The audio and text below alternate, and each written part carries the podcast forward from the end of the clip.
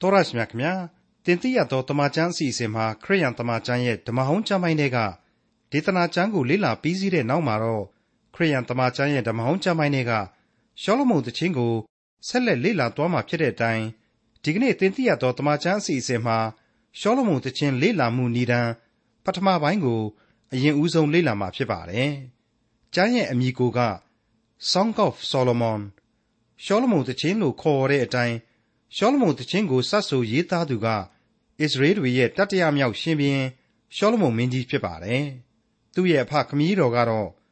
သရေလတွေရဲ့ဒုတိယမြောက်ရှင်ဘုရင် King David ခေါ်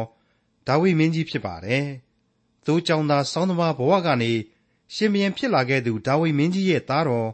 ရှောလမုန်မင်းကြီးရဲ့ရှောလမုန်တခြင်းဟာချစ်ချင်းမေတ္တာပွဲဖြစ်ပါတယ်။ဒါပေမဲ့ဒီချစ်မေတ္တာပွဲဟာတမန်ကျမ်းလို့ခေါ်တဲ့ ထာဝရရှင်မြတ်စွာဘုရားသခင်ရဲ့နှုတ်ကပတ်တော်အသက်လန်းစာပေထဲမှာကျမ်းကြီးတဆူဖြစ်စေတည်းလို့ကောင်းကင်အမိန့်တော်နဲ့တည်ရှိနေတာကိုကဘုရားရှင်ရဲ့အလိုတော်အရဘယ်လိုသဘောလဲအချစ်ပွဲကြီးဟာအသက်လန်းစာပေတဆူဘာကြောင့်ဖြစ်လာရသလဲ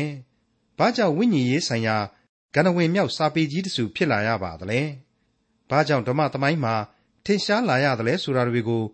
ရှောလမုန်တခြင်းလေ့လာမှုဏ္ဍန်ပထမပိုင်းအဖြစ် ဒေါက်တာထွန်းမြတ်အေးကအခုလိုရှင်းလင်းတင်ပြထားပါတယ်။ကောင်းကင်ဘုံ၌ရှိတော်မူသောကျေးဇူးရှင်အဖထာဝရမြတ်စွာဘုရားကျွန်တော်မျိုးတို့အားကိုရရှင်သိစေလိုသောတင်ပြရသောတမန်ကျမ်းသင်ခန်းစာများကိုကိုရရှင်ကိုရောတိုင်လမ်းပြပို့ဆောင်တော်မူသောကျေးဇူးတော်အားဖြင့်ဓမ္မဟောင်းကျမ်းကြီးတဆူဖြစ်သောဒေသနာကျမ်းကိုကောင်းမွန်စွာလေ့လာခဲ့ပြီးပါပြီ။ယခုအချိန်မှာတော့ရှောလမုန်ပြည်ချင်းများစီတို့ကျွန်တော်ဆက်လက်ရောက်ရှိလာခဲ့ပြီဖြစ်ပါ၍ကိုရရှင်ကိုဤသို့ဆုတောင်းသနာခံခြင်းဖြစ်ပါ၏။ အိုအဖာထာဝရအသက်ကိုပေးပိုင်တော်မူသောကိုတော်ရှင်သည်ကျွန်တော်လူသားများအတွက်လူစားတိကိုခံယူလျက်အသွေးတော်ကိုကားတိုင်းမှစွန့်၍အပြည့်အဖို့အခဖြစ်သောသေခြင်းမှသည်ထာဝရအသက်ရှင်ခြင်းကိုပေးခဲ့ပါပြီ။ဤမျှကြီးသောကိုတော်ရှင်ဤချစ်ချင်းမေတ္တာတော်အကြောင်းကိုကျွန်တော်သည်နှုတ်ကပတ်တော်အဖြစ်ယင်တဲ့အသေးသေးမှနားလေထိတွေ့ခံစားကြရယုံသာမကားထိုချစ်ချင်းမေတ္တာတော်၌အစဉ်သစ္စာရှိစွာတည်နေနိုင်ဖို့ရန်အတွက်လေကိုရရှင်ကောင်းကြီးပေးတော်မူပါ။ ယနေ့စတင်ရှေ့ရှုလေ့လာသွားရမည်ရှောလမုန်တည်ခြင်းများအားဖြင့်ကျွန်တော်၏အသက်တာအသီးသီးတို့သည်အမှန်ရင့်ကျက်သောအသက်တာတည်ကြည်သစ္စာရှိသောအသက်တာနေအောင်အောက်မှအနတ္တလောကတွင်ကိုတော်ပြုပြင်စီရင်တော်မူသောကယ်တင်ခြင်းကျေးဇူးတော်တို့ကိုခံယူလျက်ဘဝဂုံကိုတိုးမြင့်ခံယူနိုင်သောအသက်တာများအသီးသီးဖြစ်စေတော်မူပါမည်အကြောင်းသားတော်ရှင်သခင်ခရစ်တော်၏မဟာနာမတော်ကိုအမိပြုလျက်အလွန်ယူသည်စွာဖြင့်ဆုတောင်းအသနာခံဝန်ပါသည်ဖဖျား အာမင်သင်သိရသောတမန်ကျမ်းရဲ့သောတရှင်မိတ်ဆွေအပေါင်းတို့ခမညာဒီကနေ့ဒီအချိန်မှာတော့သုတ်တန်ဒီဟုသောဉာဏ်ပညာလမ်းညွှန်ကျမ်းဤဆရာဒေသနာကျမ်းဆိုတဲ့အနတ္တဝါဒလမ်းညွှန်ကျမ်းရဲ့တသနာအပိဓမ္မာကျမ်းဆရာဣသရေလမင်းဆက်မှာတတိယမြောက်ဘုရင်ဧကရဲ့အဖြစ်ကမ္ဘာသမိုင်းမှာအလွန်ထင်ရှားခဲ့လေသူရှောလမုန်ရဲ့နောက်ထပ်ကျမ်းတစုကိုကျွန်တော်တို့လေ့လာကြရပါတော့မယ် အဲ့ဒီနောက်ထပ်ကျမ်းတစုဖြစ်သောရှောလမုန်ပြည်ချင်းများကိုကျွန်တော်တို့စတင်လေ့လာသွားဖို့ရန်အတွက်ရှောလမုန်ပြည်ချင်းဤမိတ်ဆက်ချင်းအခန်းကဏ္ဍကိုဒီကနေ့စတင်ကြရမှာဖြစ်ပါတယ်ကျွန်တော်တို့အနေနဲ့ဓမ္မရာဇဝင်တတိယစာဆောင်မှာလေ့လာရပြီးဖြစ်တယ်လို့နောက်ထပ်လည်းအခါအားလျော်စွာအကြိမ်ကြိမ်တင်ပြထားခဲ့တဲ့အတိုင်းပဲရှောလမုန်မင်းကြီးဆရာဟာတရားစီရင်ခြင်းအတွက်ဉာဏ်ပညာတွေဘုရားသခင်စီကရရှိခဲ့တယ်လို့သိပ္ပံအတတ်အမျိုးမျိုးကိုလည်းအင်မတန်ကျွန့်ကျင်အောင်တတ်တယ်စီးစိမ်ဥစ္စာအရာမှလည်း သမိုင်းတစ်ခေတ်ရဲ့အံ့ဘွယ်သောလူသားကြီးအဖြစ်ချမ်းသာကြွယ်ဝခဲ့တယ်။ကဘာအရရက်ကနေပြီးတော့တောင်းမှသူ့ခေတ်ယေရုရှလင်မြို့တော်ကြီးစီကိုမင်းကြီးမင်းသားတွေဘယင်ဘယင်မနဲ့မူကြီးမတ်ရာတွေကိုစေလွှတ်ပြီးတော့ချစ်ကြည်ရေးခရီးအလဲအပတ်လာရောက်စေကြပြီးတဲ့နောက်သူ့နိုင်ငံဣသရေလကိုရင်သက်ရှုမောတအံ့တော်ရှုကြည့်လေ့လာခဲ့ကြရတယ်ဆိုတာတွေ့ကိုကျွန်တော်တို့တွေ့ကြရပါတယ်။တနည်းအားဖြင့်ကတော့ရွှေခေတ်တစ်ခေတ်ကိုဥဆောင်ခဲ့သောဘယင်ဧကရကြီးအဖြစ်ရှောလမုန်မင်းကြီးဟာထင်ရှားခဲ့ပါတယ်။ အဲ့ဒီလိုရွှေခေတ်ကြီးကိုသူဟာသူ့ရဲ့ဖခင်မင်းကြီးဒါဝိဒ်မင်းကြီးရဲ့လက်ယုံရည်နှလုံးရည်နဲ့ခြားထားပေးခဲ့တဲ့အမွေအနှစ်အဖြစ်အပြည့်အဝခံစားရတဲ့အချိန်သူဟာသူ့ဖခင်လိုပဲအမှုပညာဇာတိအမှုပညာဗီဇပါဝင်နေတဲ့အတွက်ကြောင့်အင်မတန်ကောင်းမွန်တဲ့စာပေအမှုပညာတွေကိုအခုလိုလင်္ကာကဗျာစာညွန့်တို့ကိုရေးသားဖော်ပြသွားနိုင်ခဲ့တာပဲဆိုတာကိုကျွန်တော်တို့အကဲဖြတ်လို့ရလောက်ပါတယ်မှန်ပါတယ်သုတ်တန်ဒေသနာရှောလမုန်တည်ခြင်းအကုန်လုံးတို့ဟာ ဆာလံတည်ခြင်းများလိုပဲလင်္ကာယတစာပေများကြီးပဲဖြစ်ပါတယ်အဲ့ဒီအထဲမှာမှဒီရှောလမုန်တည်ခြင်းဆိုတာကြတော့သီးသီးသန့်သန့်တည်ခြင်းဆိုပြီးတော့ဖော်ပြလိုက်ပါတယ်တည်ခြင်းတက်တက်အဖြစ်နဲ့ရှောလမုန်တည်ခြင်းဆိုပြီးဖော်ပြခြင်းပါဒီတော့အထူးဆိုပွဲမရှိတော့တဲ့သိမ်မွေ့နူးညံ့သောမေတ္တာဘွဲ့ကြီးတစ်ခုဖြစ်သွားရပြီဆိုတာကိုကျွန်တော်တို့သတိပြုမိကြဖို့လိုပါတယ်တေးပွဲကြီးတစ်ခုလို့ဆိုလိုက်တော့ကျွန်တော်ပြောခဲ့တဲ့အတိုင်းပဲလင်္ကာစာဆိုပညာရှင်ကြီးရှောလမုန်ဟာ တေးပေါင်းဘလောက်အထိသူ့ရဲ့အသက်တာမှာပြုစုပေးခဲ့တယ်ဆိုတာကိုဖော်ပြခဲ့တဲ့မှတ်တမ်းအရကျွန်တော်တို့ပြန်လှန်လေ့လာဖို့လိုပါတယ်အဲ့ဒီအချိန်မှာတော့စီရင်တော်မူသောသုတ်တန်စကား3000နှင့်တကွသီချင်းပေါင်း1005ခုရှိ၏တဲ့အဲ့ဒါဓမ္မရာဆိုရင်တတိယစာဆောင်အခန်းကြီး၄ရဲ့ဏိဂုံးပိုင်းမှာတွေ့ရတဲ့မှတ်တမ်းမှတ်ရပါပဲ about တို့ over တို့ nearly တို့ဆိုတာမျိုးမပါပါဘူးနီးပါးကန်ဆိုတဲ့သဘောမျိုးတို့ကြော်ကြော်တို့ဆိုပြီးတော့မဖော်ပြပါဘူးသီချင်းပေါင်း 1005ဘုတ်တဲ့တိတိကျကျဖော်ပြထားပါတယ်အဲ့ဒီ1005ဘုတ်သောသီချင်းများကိုရှောလမုန်မင်းကြီးစတ်ဆူခဲ့ပါတယ်တဲ့ခံမှန်းကြည့်မဟုတ်တဲ့အတိအကျအရေးအတွက်ဖြစ်ပါတယ်အဲ့ဒီအထဲမှာမှ9ဘုတ်ကိုသာလျှင်အခုရှောလမုန်တည်ခြင်းများအဖြစ်နှုတ်ကပတ်တော်ထဲမှာထည့်သွင်းစီခြင်းဖြစ်တယ်။အဲ့ဒီလိုဓမ္မပညာရှင်အများစုကခံယူထားကြပါတယ်။သူတေတီတွေကသူတေသနာပြုတော့အဲ့ဒီအတိုင်းမြင်ကြပါတယ်။ဒါပေမဲ့တချို့ကြတော့လေ73ဘုတ်ဖြစ်တယ်လို့ပြောတဲ့လူတွေကလည်းပြောကြပါတယ်။ ကျွန်တော်ကတော့အခုရှောလမုန်တည်ခြင်းဟာ1005ဘုတ်သောတည်ခြင်းများတဲ့ကအစွန်းတွက်9ဘုတ်ကိုပေါင်းစုဖော်ပြတယ်။ရှောလမုန်တည်ခြင်းသို့မဟုတ် Songs of Solomon ကို Book of Canticles လို့ခေါ်တဲ့သိချင်းငယ်များအစုအဝေးကျမ်းလို့လေကျွန်တော်တို့ခေါ်ဝေါ်သမုတ်လို့ရပါတယ်။အဲ့ဒီတော့အဲ့ဒီငါးပုတ်သောသိချင်းများနဲ့စူးစီးထားတဲ့ရှောလမုန်သိချင်းမှမှနောက်ထပ်အခန်းကလေးတွေ၈ခုအထိခွဲဖြာပေးလိုက်တယ်လို့ကျွန်တော်ခံယူပါတယ်။ မိတ်ဆွေတော်တတ်ရှင်အပေါင်းတို့ခမညာကျွန်တော်တို့အခုလေ့လာရမယ့်ရှောလမုန်သိချင်းဆိုတဲ့နှုတ်ကပတ်တော်လင်္ကာယကျမ်းမှာအဓိကကြတဲ့ကျမ်းပိုက်သော့ကျက်အပိုက်နှစ်ပိုက်ပါဝင်ပါတယ်။အဲ့ဒီသော့ကျက်ကြသောနှစ်ချက်သောကျမ်းပိုက်များကတော့တိရှောလမုန်တည်ခြင်းအခန်းကြီး6အငယ်3ကဖော်ပြထားတဲ့ငါချစ်ရာသခင်သည်ငါကိုဆိုင်တော်မူ၏ငါသည်လည်းသခင်ကိုဆိုင်ပေ၏နှင်းတော်၌ကျက်စားတော်မူ၏ဆိုတဲ့အပိုက်ငယ်ဖြစ်ပါလေ နောက်ထပ်အဓိကရကျမ်းပိုက်ကတော့သော့ကျက်ကျမ်းပိုက်ကတော့အခန်းကြီး8အငယ်9ဖြစ်ပါတယ်အဲ့ဒီအပိုက်ကဆိုညွှန်းထားတာကတော့တို့ရာတွင်ရေများတို့သည်မေတ္တာကိုမသတ်နိုင်မြေရည်တို့သည်မလွှမ်းမိုးနိုင်လူသည်မိမိအိမ်၌ရှိသောဥစ္စာပစ္စည်းတို့ကိုမေတ္တာဖို့ပေးခြင်းသောလေအလွန်တရာမထီမဲ့မြင်ပြုခြင်းကိုခံရလိမ့်မည်အဲ့ဒီအချက်ပဲဖြစ်ပါလေပြီးတဲ့နောက်မှာတော့ဒီရှောလမုန်တည်ခြင်းတဲမှာအခြားကျမ်းတွေလိုမဟုတ်ဖ ೇನೆ အဓိကရကြတဲ့ဝေါဟာရဆိုတာဟာလေသီးသန့်ကျွန်တော်တို့မှတ်တမ်းတင်ဖို့ရှိနေပါတယ်ကြပြည့်ထိုးဖို့ရှိနေပါတယ်အဲ့ဒါတွေကတော့ငါချစ်သောနှမသို့မဟုတ် my love နဲ့ငါချစ်ရသခင်သို့မဟုတ် my beloved ဆိုတဲ့ဝေါဟာရတွေပဲဖြစ်ပါတယ်ရှောလမုန်တည်ခြင်းဤအတိတ်ပဲဆိုတာကိုလေကျွန်တော်တို့ဟာသီးသီးသန့်သန့်လေ့လာထားလိုက်ပါတယ်အဲ့ဒီလိုသီးသန့်လေ့လာထားနိုင်ပါမှဒီကျမ်းရဲ့အနှစ်သာရများကိုရယူခန်းစားထိတွေ့နိုင်ကြမှာဧကအမှန်ဖြစ်ပါတယ်ရှောလမုန်တည်ခြင်းဟာ parabolic poem လို့ဆိုရမယ်လင်္ကာယသမြောက်သောကျမ်းဖြစ်ပါတယ်တည်ခြင်းဖြစ်ပါတယ် parable လို့ခေါ်တဲ့ပုံပြင်ဥပမာတင်စားနှိုင်းရှင်ခြင်းဥပမာတို့ကိုဆက်ဆိုသောတေးပွဲတစ်ခုဖြစ်တဲ့အတွက်ကြောင့် parabolic poem လို့ဆိုရတဲ့အကြောင်းကိုမိษွေတို့နားလည်ထားဖို့လိုပါလိမ့်မယ်ဒီလိုတင်စားနှိုင်းရှင်ခြင်းတေးပွဲကြီးတစ်ခုဟာရေးသားသူရဲ့လက်စွန်းလက်စပေါ်မှာမူတည်ပြီးတော့အလွန်ဖတ်လို့ကောင်းရုံထုံးစံရှိပါတယ်ကျွန်တော်တို့အခုတွေ့ခဲ့ကြရတဲ့အတိုင်းဆိုရင်ရှောလမုန်မင်းကြီးရဲ့သုတ်တန်ကျမ်းတွေကိုကျွန်တော်တို့လေ့လာခဲ့ကြပြီးပြီ ပြီးတော့ဒေသနာကျမ်းတွေကိုလည်းတွေ့ခဲ့ရပြီးပြီဒီပုဂ္ဂိုလ်ကြီးဟာသူ့အဖေဒါဝိဒ်မင်းကြီးရဲ့သားရဲ့လို့မပြောရဘူးနော်အလွန်အမှုပညာဗီဇကြီးမားတဲ့လူမျိုးနဲ့ရိုးနဲ့ကိုအမှုပညာပါရမီပါလာတဲ့လူအရေးအသားပြောင်မြောက်တဲ့လူထက်မြက်တဲ့ကလောင်ရှင်တူဖြစ်တယ်ဆိုတာကိုအခိုင်အမာကျွန်တော်တို့ဆိုဝင်ပါတယ်အဲ့ဒီလိုအမှုပညာရှင်ကြီးရဲ့ဒါဝိဒ်ရဲ့သွေးအမှုပညာရှင်ကြီးဒါဝိဒ်ရဲ့သွေးဒါဝိဒ်ရဲ့အရေးအချင်းတွေပါလာသူရှောလမုန်ဟာအရေးအသားသိပ်ကောင်းတယ်လို့ ဂီတရသကိုလည်းခန်းစားနိုင်မှာအသေးအချာပဲဖြစ်ရပါလိမ့်မယ်။ဘာဖြစ်လဲဆိုတော့သူ့အဖေဒါဝိဒ်ရဲ့အမှုပညာအရေးအချင်းတွေတဲမှာဒါဝိဒ်ဟာအဲ့ဒီခေတ်ဣသရေလနိုင်ငံရဲ့ထိပ်တန်းစောင်းသမားတစ်ယောက်ဖြစ်ခဲ့တယ်။နန်းတော်ကြီးတဲ့အုံနှောက်ကြောင်းနေတဲ့ရှောလူဆိုသူဘရင်မိုက်ကြီးတစ်ပါးကိုစောင်းတီးပြီးတော့ဖျော်ဖြေခဲ့ရတဲ့အမှုပညာသမားဖြစ်ခဲ့တယ်ဆိုတာကိုတွေ့ရလို့ပါပဲ။ကျွန်တော်ကဒါကိုထည့်ပြီးပြောတော့ဖခင်ရဲ့သွေးကိုရှောလမုန်ဟာအမှုပညာဘက်မှမှီယုံတယ်မကသာနေပြီဆိုတာကိုသိပ္ပံကြီးကြတွက်ဆပြီးတော့ရဲရဲကြီးပြောလိုက်နိုင်တာပါ။ တီချင်းတွေကိုအပုတ်1005ပုတ်ဆက်ဆိုတယ်ဆိုကြတဲ့သူဟာအဖေရဲ့အမှုပညာအမွေကိုကောင်းကောင်းခံယူထားခဲ့ရတယ်ဆိုတာဟာတက္ကသိုလ်မှာဘိုင်ယိုလို့ခေါ်တဲ့ဇီဝဗေဒကိုသင်ကြားဘူးသူတိုင်းဘယ်သူမှညင်းနိုင်မှာမထင်ပါဘူးတစ်ချိန်တည်းမှာပဲဗီဇဤနိယာမဆရာဟာဗီဇနိယာမဆရာဟာအကုန်လုံးကိုတော့လေလက်ခံနိုင်တာမျိုးမဟုတ်ဆက်ခံနိုင်တာမျိုးမဟုတ်ဘူးဆရာကိုလေသိပ္ပံသမားတွေအကုန်သိပါတယ်အဲဒါကြောင့်အမှုပညာဗီဇကိုမှီတယ်ကြော်ရင်တောင်ကြော်မယ်ဒါပေမဲ့ အဖေရဲ့ရဲရဲတောက်သတ္တိဗီဇကိုကြပြန်တော့လေမမိပြန်ဘူးလို့ကျွန်တော်တို့တွက်ဆပါတယ်ဟုတ်ပါတယ်ရှင်သေးလိုအကောင်မျိုးကိုခံပြီးသတ်ဝင်တဲ့လေယုံကြီးလူပကြီးလူဘလူးကြီးဂေါလိယလိုလူမျိုးကိုလောက်လွှဲသုံးမဟုတ်လောက်လေးကွာနဲ့ကြောက်ခဲနဲ့တက်ပြီးတော့ challenge လုပ်ပြီးတော့သတ်ဝင်တဲ့သတ္တိကြတော့သူ့ခမရမှာသူ့အဖေလိုထတ်တူထတ်မြပါရမီမပါခဲ့ရှာဘူးအဲ့ဒီဗီဇအမွေကိုတော့မခံရရှာဘူးလို့လေအပိုင်တွက်ဆပါတယ် သမိုင်းစာမျက်နှာတွေအရလေသူဟာဒါဝိဒ်ရဲ့လက်ယုံရည်နဲ့တိဆောက်ထားတဲ့ရွှေခေတ်ကြီးမှာငိမ့်ငိမ့်ကလေးစံစားသွားရတာပဲဆိုတာကိုအဖြေရယူနိုင်ရင်ဒီကျွန်တော်ဖော်ပြခဲ့တဲ့သဘောတွေကိုထောက်ခံနိုင်ကြမယ်လို့ကျွန်တော်တွေးပါတယ်အဲ့ဒီလိုခြေမွေးမီးမလောင်လက်မွေးမီးမလောင်မလိုင်ဘောကအစီဥကိုစားပြီးတော့အရန်ကောင်းစားလွန်းတဲ့အခါမှတင်နောက်ထပ်အဖြေတွေကိုထုတ်ယူစရာတွေဟာကြံလာပါတယ်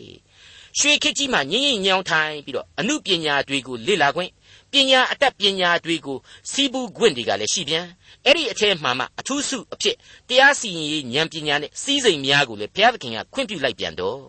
အဖေစီကပါမလာတဲ့တတိဗီဇအာနေချက်ကြီးတစ်ခုဟာသူ့ဘဝတရုပ်သကန်တဲ့မှာဘွားကနေပေါ်လာပါတော့တယ်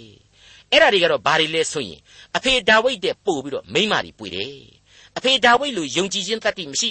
ယူထားတဲ့ပျောက်တော့မိန်းမတွေကိုကိုးကွယ်တဲ့ပျောက်တော့မိန်းမတွေကကိုးကွယ်တဲ့နတ်တွေကိုလိုက်ပြီးတော့ရောင်ပေရောင်ပေနဲ့ကိုးကွယ်မိတယ်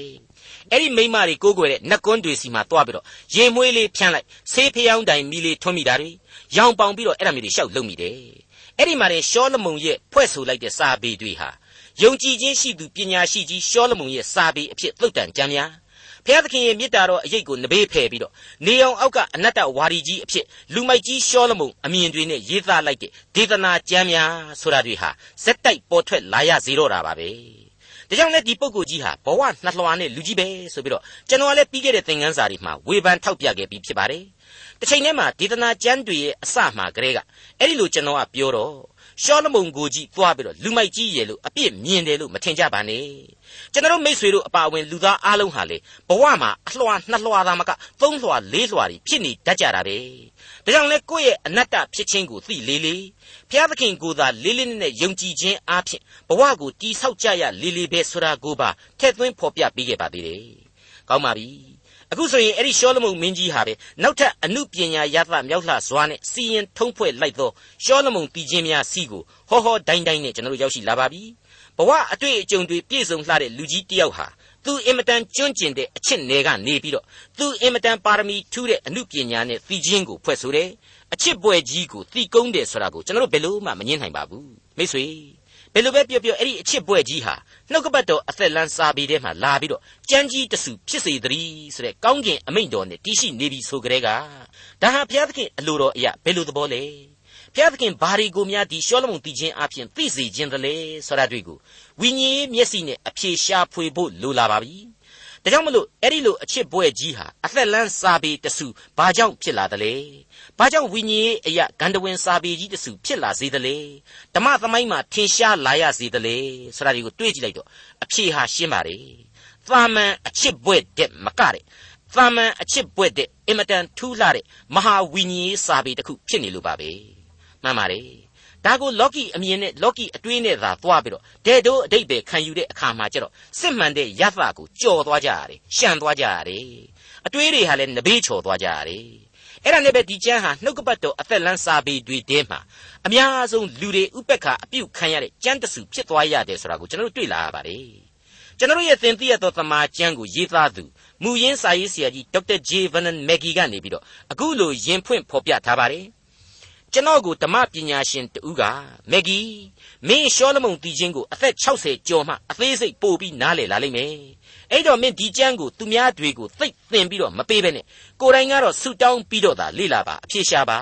ကြိုတင်ဖတ်ရှုနှင့်ပါလို့ဆိုခဲ့ပါတယ်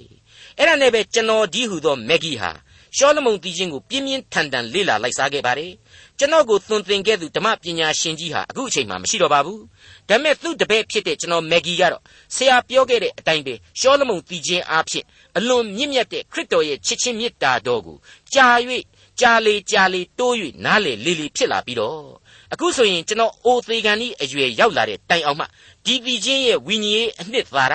ဆွဲလန်းမေမောပွဲကောင်းလာတဲ့အနုယသအမှန်ကိုခန်းစားနားလေလာစေပါတယ်အဲ့ဒီလိုမူရင်းစာရေးဆရာကြီးဒေါက်တာဂျေဗန်နန်မက်ဂီဟာဝန်ခံချက်အကျဉ်းချုပ်နဲ့သူ့ရဲ့စာပေထဲမှာဝန်ခံထားတာကိုတွေ့ရပါတယ်မိတ်ဆွေအပေါင်းတို့မိတ်ဆွေတို့ကျွန်တော်တို့အဖို့လေရှောလမုန်တည်ခြင်းဟာဒီလိုပဲ ကယ်တင်ရှင်သခင်ခရစ်တော်ရဲ့ချစ်ချင်းမေတ္တာတော်ကိုကြာလေတိုး၍နားလေလေလေဖြစ်ရစေလိမ့်မယ်လို့ကျွန်တော်တွေးမိပါတယ်မိတ်ဆွေအပေါင်းတို့ခရစ်တော်ကိုလက်မခံသူတို့အဖို့ဒီကျမ်းဟာပယ်ခြင်းစရာကောင်းလောက်အောင်လောကီဆန်တယ်လို့ထင်နိုင်တယ်လို့ခရစ်တော်ကိုသာလက်ခံတယ်ကိုယ်တိုင်ကလောကီအတွေးဘက်ကိုသာအများဆုံးရိမ့်နေတဲ့လူတစ်ယောက်အဖို့ဆိုရင်လေခရိယန်ဘလောက်ဖြစ်နေနီကိုဟာလောကီဘက်ကိုသာသိပ်ပြီးတော့ရိမ့်ပြီးတွေးမယ်ဆိုရင် အထင်လွဲလောက်အောင်တော့ဒီကျမ်းဟာအသွေးအသားဆန်နေစေလိမ့်မယ်လို့ကျွန်တော်ကြိုတင်ဝန်ခံခြင်းပါတယ်ကျွန်တော်ငကိုယ်တည်းကပြောခဲ့တဲ့အတိုင်းပဲပေါ့အချစ်ပါရမီရှင်ကြီးရှောလမုန်ဟာနေပြီးတော့သူ့ရဲ့အချစ်နဲ့သူ့ရဲ့အမှုပညာရသနဲ့နှစ်ခုတည်းကိုရောပြုံပြီးတော့ဒီကျမ်းကြီးကိုပြည့်စုံထားတယ်အဲ့ဒီသူ့ရဲ့အချစ်နဲ့သူ့ရဲ့အမှုပညာရသနှစ်ခုတည်းကိုသာအာယုံရောက်နေမယ်ဆိုရင်တော့အဲ့ဒီအတိုင်းပဲရှောလမုန်တီချင်းဟာဖတ်ချင်စရာမကောင်းတော့အောင်လောကီဆန်ကောင်းဆန်နေမှာဟာသိတော့မဆန်ဘူး ဒါကြောင့်မို့လို့လေအသက်လန်းစာပြီးဖြစ်တဲ့အသက်ကိုပေးစွန်းသောကြမ်းတွေတဲမှာအများဆုံးဥပက္ခပြုခံရသောကြမ်းတစုဖြစ်နေခြင်းဖြစ်တယ်လို့ကျွန်တော်တွေးမိပါတယ်မိတ်ဆွေတော်တတ်ရှင်အပေါင်းတို့လောကီရဲ့အချစ်ပွဲတစ်ခုတက်တဲ့အဖြစ်ဘလောက်ပဲအထင်လွဲခံရစေကမူဒီကြမ်းကြီးဟာအရေးအဖွဲတင်ပြနီးတင်ပြဟန်နူးညံ့သိမ်မွေးပုံစသည်စသည်တို့ဖြင့်ထိတ်တန်းအဆင့်မှာရှိတယ်လို့စာပေသမားတယောက်အနေနဲ့ကျွန်တော်ပြတ်သားစွာခံယူလိုက်ပါတယ်။ ဒါကြောင့်မို့လို့လဲမူရင်းပုဂ္ဂိုလ်ကြီးဒေါက်တာဂျေဗန်နန်မက်ဂီကပဲဒီကျမ်းဟာအသွေးအသားရမဲ့နဲ့ဇာတိပဂရိဆန္ဒတွေကိုထည့်သွင်းထားတာမှန်တယ်။ဒါပေမဲ့ပညာပါတယ်အလွန်တရာသိမ်မွေ့တယ်အဆင့်အတန်းအကြီးအကျယ်မြင့်မားတယ်ရသမြောက်တယ်ရှေးကာလကသူ့နဲ့ခစ်ပြိုင်ပါရှားစာပေတွေတဲကညဉ့်ညမ်းပြီးတော့အဆင့်မရှိတဲ့စာပေတွေနဲ့ဘာဆိုဘာမှမဆိုင်ဘူးဆိုတာကိုထည့်သွင်းဖော်ပြပေးခဲ့ပါတယ်ကျွန်တော်ကတော့ဒီလောက်အထိအဝေးကြီးသွားပြီးမနှိုင်းရှင်ရဲပါဘူးအဲ့ဒီလောက်အထိလည်းမလေ့လာနိုင်ပါဘူးဆိုတာကိုဝန်ခံနေပါတယ် ဒါပေမဲ့ကျွန်တော်လေ့လာမိသည့်အတိုင်းအတာရကတော့သူ့ရဲ့စာပေဟာအလွန်အဆင့်မြင့်ပြီးတော့နုနယ်သိမ်မွေ့လွန်းလို့မြမစာပေနယ်အထိရှောလမုန်ပြီးခြင်းဟာအတိုင်းအတာတစ်ခုအထိလွှမ်းမိုးခဲ့တယ်ဆိုတာကိုတော့ရဲရဲကြီးကျွန်တော်တင်ပြခြင်းပါတယ်မြန်မာလူငယ်တို့ရဲ့အသေးဆွဲဝတ္ထုရှိလောကအတွင်းမှာရှောလမုန်တီချင်းတဲကစာသားတွေဟာဓာတ်ရိုက်ဆွဲယူသုံးဆွဲခဲ့တယ်ဆိုတာကိုကျွန်တော်မြင်ရလို့အခုလိုရဲရဲကြီးတင်ပြလိုက်တာပါအဲ့ဒီအထဲကတစ်ခုကတော့မိုးမသောက်မှောင်မိုက်အရေးမပြေးမီတဲ့ လုံချင်းဝတ္ထုကြီးတစ်ခုရှိခဲ့တယ်အဲ့ဒါဟာရှောလမုန်တီချင်းတဲကဝေါ်ဟာတာပဲပြီးတဲ့နောက်မှာတော့မြောက်လေနိုးပါတောင်လေလာပါ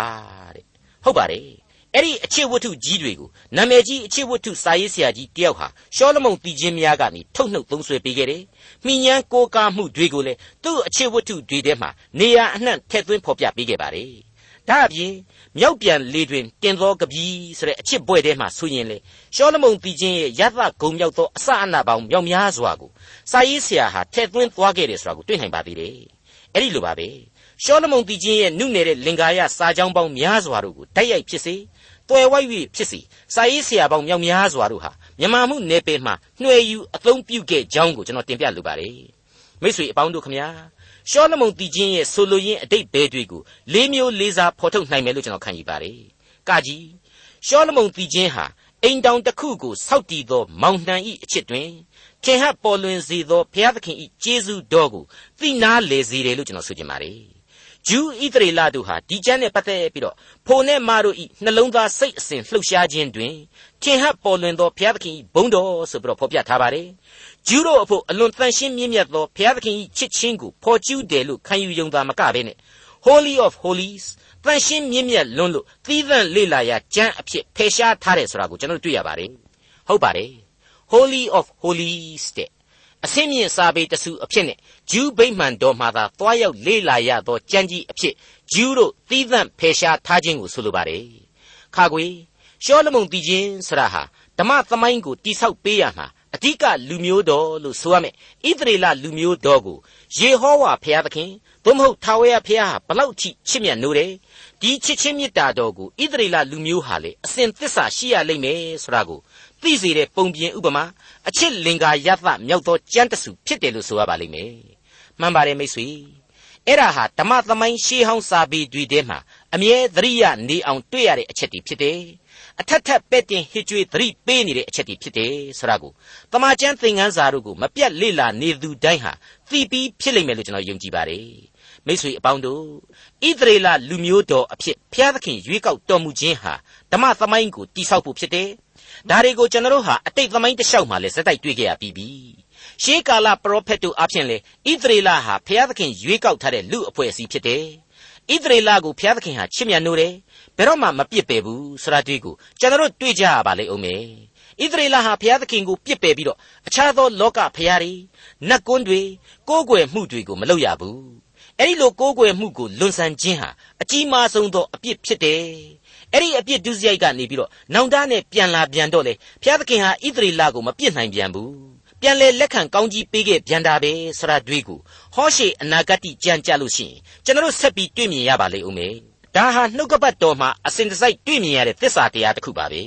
ကျွန်တော်ဘယ်လို့မှဖုံးကွယ်ထားလို့မရနိုင်ပါဘူးကငယ်ရှောလမုန်တည်ခြင်းသည်ခရစ်တော်နှင့်အသင်းတော်ဤမေတ္တာထုံးနှောင်ဖွဲ့ခြင်းကိုဖော်ပြတဲ့ကျမ်းတစုဖြစ်တယ်အသင်းတော်ဆရာဟာခရစ်တော်ရဲ့သတို့သမီးကညာဖြစ်တယ်ဆရာကိုဓမ္မသစ်ကျမ်းမှာနေရာအနှံ့အပြားတင်စားဖော်ပြခဲ့ပြီးဖြစ်တယ်ဆရာကိုလေကျွန်တော်သတိပြုမိဖို့လိုပါတယ် ဒါနဲ့ပတ်သက်ပြီးတော့မဝေးသေးသောအတိတ်ကကျွန်တော်သင်သိရသောသမာကျမ်းသင်ခန်းစာမှာအေဖက်ဩဝါဒစာအခန်းကြီး9အငယ်22ကနေ33အရာအခုလိုဖော်ပြခဲ့ပြီးဖြစ်ပါတယ်အချင်းမိမတို့သခင်ဖျားဤအုပ်ဆိုးတော်မူခြင်းကိုဝန်ခံတဲ့ကဲ့သို့ကိုခင်ပွန်းဤအုပ်ဆိုးခြင်းကိုဝန်ခံကြလော့အကြောင်းမူကားခရစ်တော်သည်အသင်းတော်၏အပေါ်မှာခေါင်းဖြစ်တော်မူတဲ့ကဲ့သို့ယောက်ျားသည်မိမိခင်ပွန်း၏အပေါ်မှာခေါင်းဖြစ်၏ခရစ်တော်သည်လည်းမိမိကိုယ်ကိုကယ်တင်တော်သူဖြစ်တော်မူ၏ အသင်းတော်သည်ခရစ်တော်၏အုပ်ဆိုးတော်မူခြင်းကိုဝန်ခံတဲ့ကဲ့သို့မိမတို့လည်းကိုခင်ပွန်း၏အုပ်ဆိုးခြင်းကိုအရာရာ၌ဝန်ခံရကြမည်အချင်းယောက်ျားတို့ခရစ်တော်သည်အသင်းတော်ကိုချစ်တော်မူတဲ့ကဲ့သို့သင်တို့လည်းကိုခင်ပွန်းကိုချစ်ကြလော့ထိုအသင်းတော်သည်တန်ရှင်းလျက်အပြစ်ကင်းလျက်ရှိသည်ဖြစ်၍အငြိအကျေးတင်ခြင်းအရေးတွန့်ခြင်းမှစသည်တို့နှင့်လွတ်လပ်သဖြင့်အသရေတင့်တယ်လျက်ရှိသောအသင်းတော်ကိုခရစ်တော်သည်မိမိအားဆက်သအံ့သောငါ နှုတ်ကပတ်တော်ရေ၌ဆေးကြောခြင်းအားဖြင့်စင်ကြယ်တန့်ရှင်းစေမည်အကြောင်းထိုအသင်းတော်အဖို့အလို့ငါကိုကိုကိုစွန့်တော်မူ၏ထိုနည်းတူယောက်ျားတို့သည်မိမိကိုယ်ကိုချစ်တဲ့ကဲ့သို့မိမိခင်ပွန်းတို့ကိုချစ်ရကြမည်ခင်ပွန်းကိုချစ်သောသူသည်ကိုယ်ကိုချစ်သောသူဖြစ်၏ကိုယ်အသားကိုမုန်းသောသူတယောက်မျှမရှိ ခရစ်တော်သည်အသင်းတော်ကိုကျွေးမွေးပြုစုတော်မူတဲ့ကဲ့သို့ခသိန်းသောသူတို့သည်မိမိတို့အသားကိုကျွေးမွေးပြုစုတတ်ကြ၏အကယ်စင်စစ်ငါတို့သည်ဖျားသခင်၏အသားတော်အယိုးတော်တို့အဝင်ဖြစ်၍ကိုတော်မြတ်၏အင်္ဂါဖြစ်ကြ၏ထိုအကြောင်းကြောင့်ယောက်ျားသည်ကိုမိဘကိုစွန့်၍ကိုခင်ပွန်းကိုမှီဝဲသဖြင့်ထိုသူနှစ်ယောက်တို့သည်တသားတကိုယ်ကြီးဖြစ်ရလိမ့်မည်ဤအရာသည်အလွန်နက်နဲသောအရာဖြစ်ပေ၏ ထိုသောငါဆိုသောခရစ်တော်နှင့်အသင်းတော်ကိုရည်မှတ်၍ဆိုသည်တို့ရတွင်သင်တို့သည်အသီးအသီးကိုကိုကိုချစ်တဲ့ကဲ့သို့ကိုခင်ပွန်းကိုချစ်ကြလော့မိမသည်လည်းကိုခင်ပွန်းကိုယိုသေးခြင်းရှိစေလော့အဲ့ဒီအချက်တင်မကသေးပါဘူးကောရိန္သုဩဝါဒစာဒုတိယစာဆောင်အခန်းကြီး7အငယ်1ကနေ3အတွင်းမှာလေအခုလိုတွေ့နိုင်ပါသေးတယ်ငါမိုက်မဲသောအပြစ်ကိုသင်တို့သည်ခဏသီးခံစေခြင်းဟာငါအလိုရှိ၏ခဏသီးခံကြပါလော့ အကြောင်းမူကားငါသည်သင်တို့ကိုသီလနှင့်ပြည့်စုံသောသူတို့သမီးကညာကဲ့သို့ခရစ်တော်အားဆက်အံ့သောငါသင်တို့ကိုလင်တူးနှင့်ထိမ်းမြားဆောင်နှင့်ပြီးသောကြောင့်ဘုရားသခင်၏အလိုတော်အတိုင်းစိုးရိမ်သောစိတ်နှင့်သင်တို့ကိုစောင့်ရှောက်လျက်နေ၏မွေသည်မိမိပရိယေအားဖြင့်အေဝါကိုလှည့်စားတဲ့ကဲ့သို့သင်တို့သည်စိတ်ဆွေးမြေ့ယိုယွင်း၍ခရစ်တော်ကိုအကျွင့်မဲ့ချစ်သောစိတ်ပြောင်းမည်ဟုစိုးရိမ်ခြင်းရှိ၏တဲ့မိတ်ဆွေအပေါင်းတို့ခမညာ နှုတ်ကပတ်တော်ရဲ့နောက်ဆုံးကြမ်းကြီးဖြစ်တဲ့ဗျာဒိတ်ကျမ်းမှာလည်းပဲအနာဂတ်ကာလတစ်ချိန်မှာဖြစ်ရမယ့်ဗျာဒိတ်တော်ဟာအခုလိုရှိနေသေးပြန်တာကိုတွေ့နိုင်ပါတယ်ဗျာဒိတ်ကျမ်းအခန်းကြီး27ရဲ့အစပိုင်းတွေကဖော်ပြချက်တွေဖြစ်ပါတယ်ကောင်းကင်သစ်နှင့်မြေကြီးသစ်ကိုလည်းငာမြင်၏အဘယ်သို့နည်းဟုမူကားရှေးကောင်းကင်နှင့်ရှေးမြေကြီးသည်ရွေ့သွားကြပြီထိုအခါမှစ၍သမှုတရားမရှိတန်ရှင်းသောမြို့ဒီဟုသောယေရုရှလင်မြို့သစ်သည် မိမိခင်ပွန်းဖို့တစားဆင်သော မင်္ဂလာဆောင်တို့သမီးကဲ့သို့ပြင်ဆင်လျက်ဖျားသခင်အထံတော်ကောင်းကင်ဘုံမှဆင်းသက်သည်ကိုငာမြင်၏ကောင်းကင်မှကြီးသောအသံကဘုရားသခင်၏တဲတော်သည်လူတို့တွင်ရှိ၏လူတို့နှင့်အတူကျင်းဝတ်တော်မူမည်သူတို့သည်ကိုတော်၏လူဖြစ်ကြလိမ့်မည် ဘုရားသခင်သည်ကိုတော်တိုင်သူတို့နှင့်အတူရှိနေ၍သူတို့၏ဘုရားသခင်ဖြစ်တော်မူမည်ဘုရားသခင်သည်သူတို့၏မျက်စိ၌မျက်ရည်ရှိသမျှတို့ကိုသုတ်တော်မူမည်နောက်တဖန်သေဘေးမရှိရစိတ်မသာညည်းတွားခြင်းအော်ဟစ်ခြင်းပင်ပန်းခြင်းလည်းမရှိရ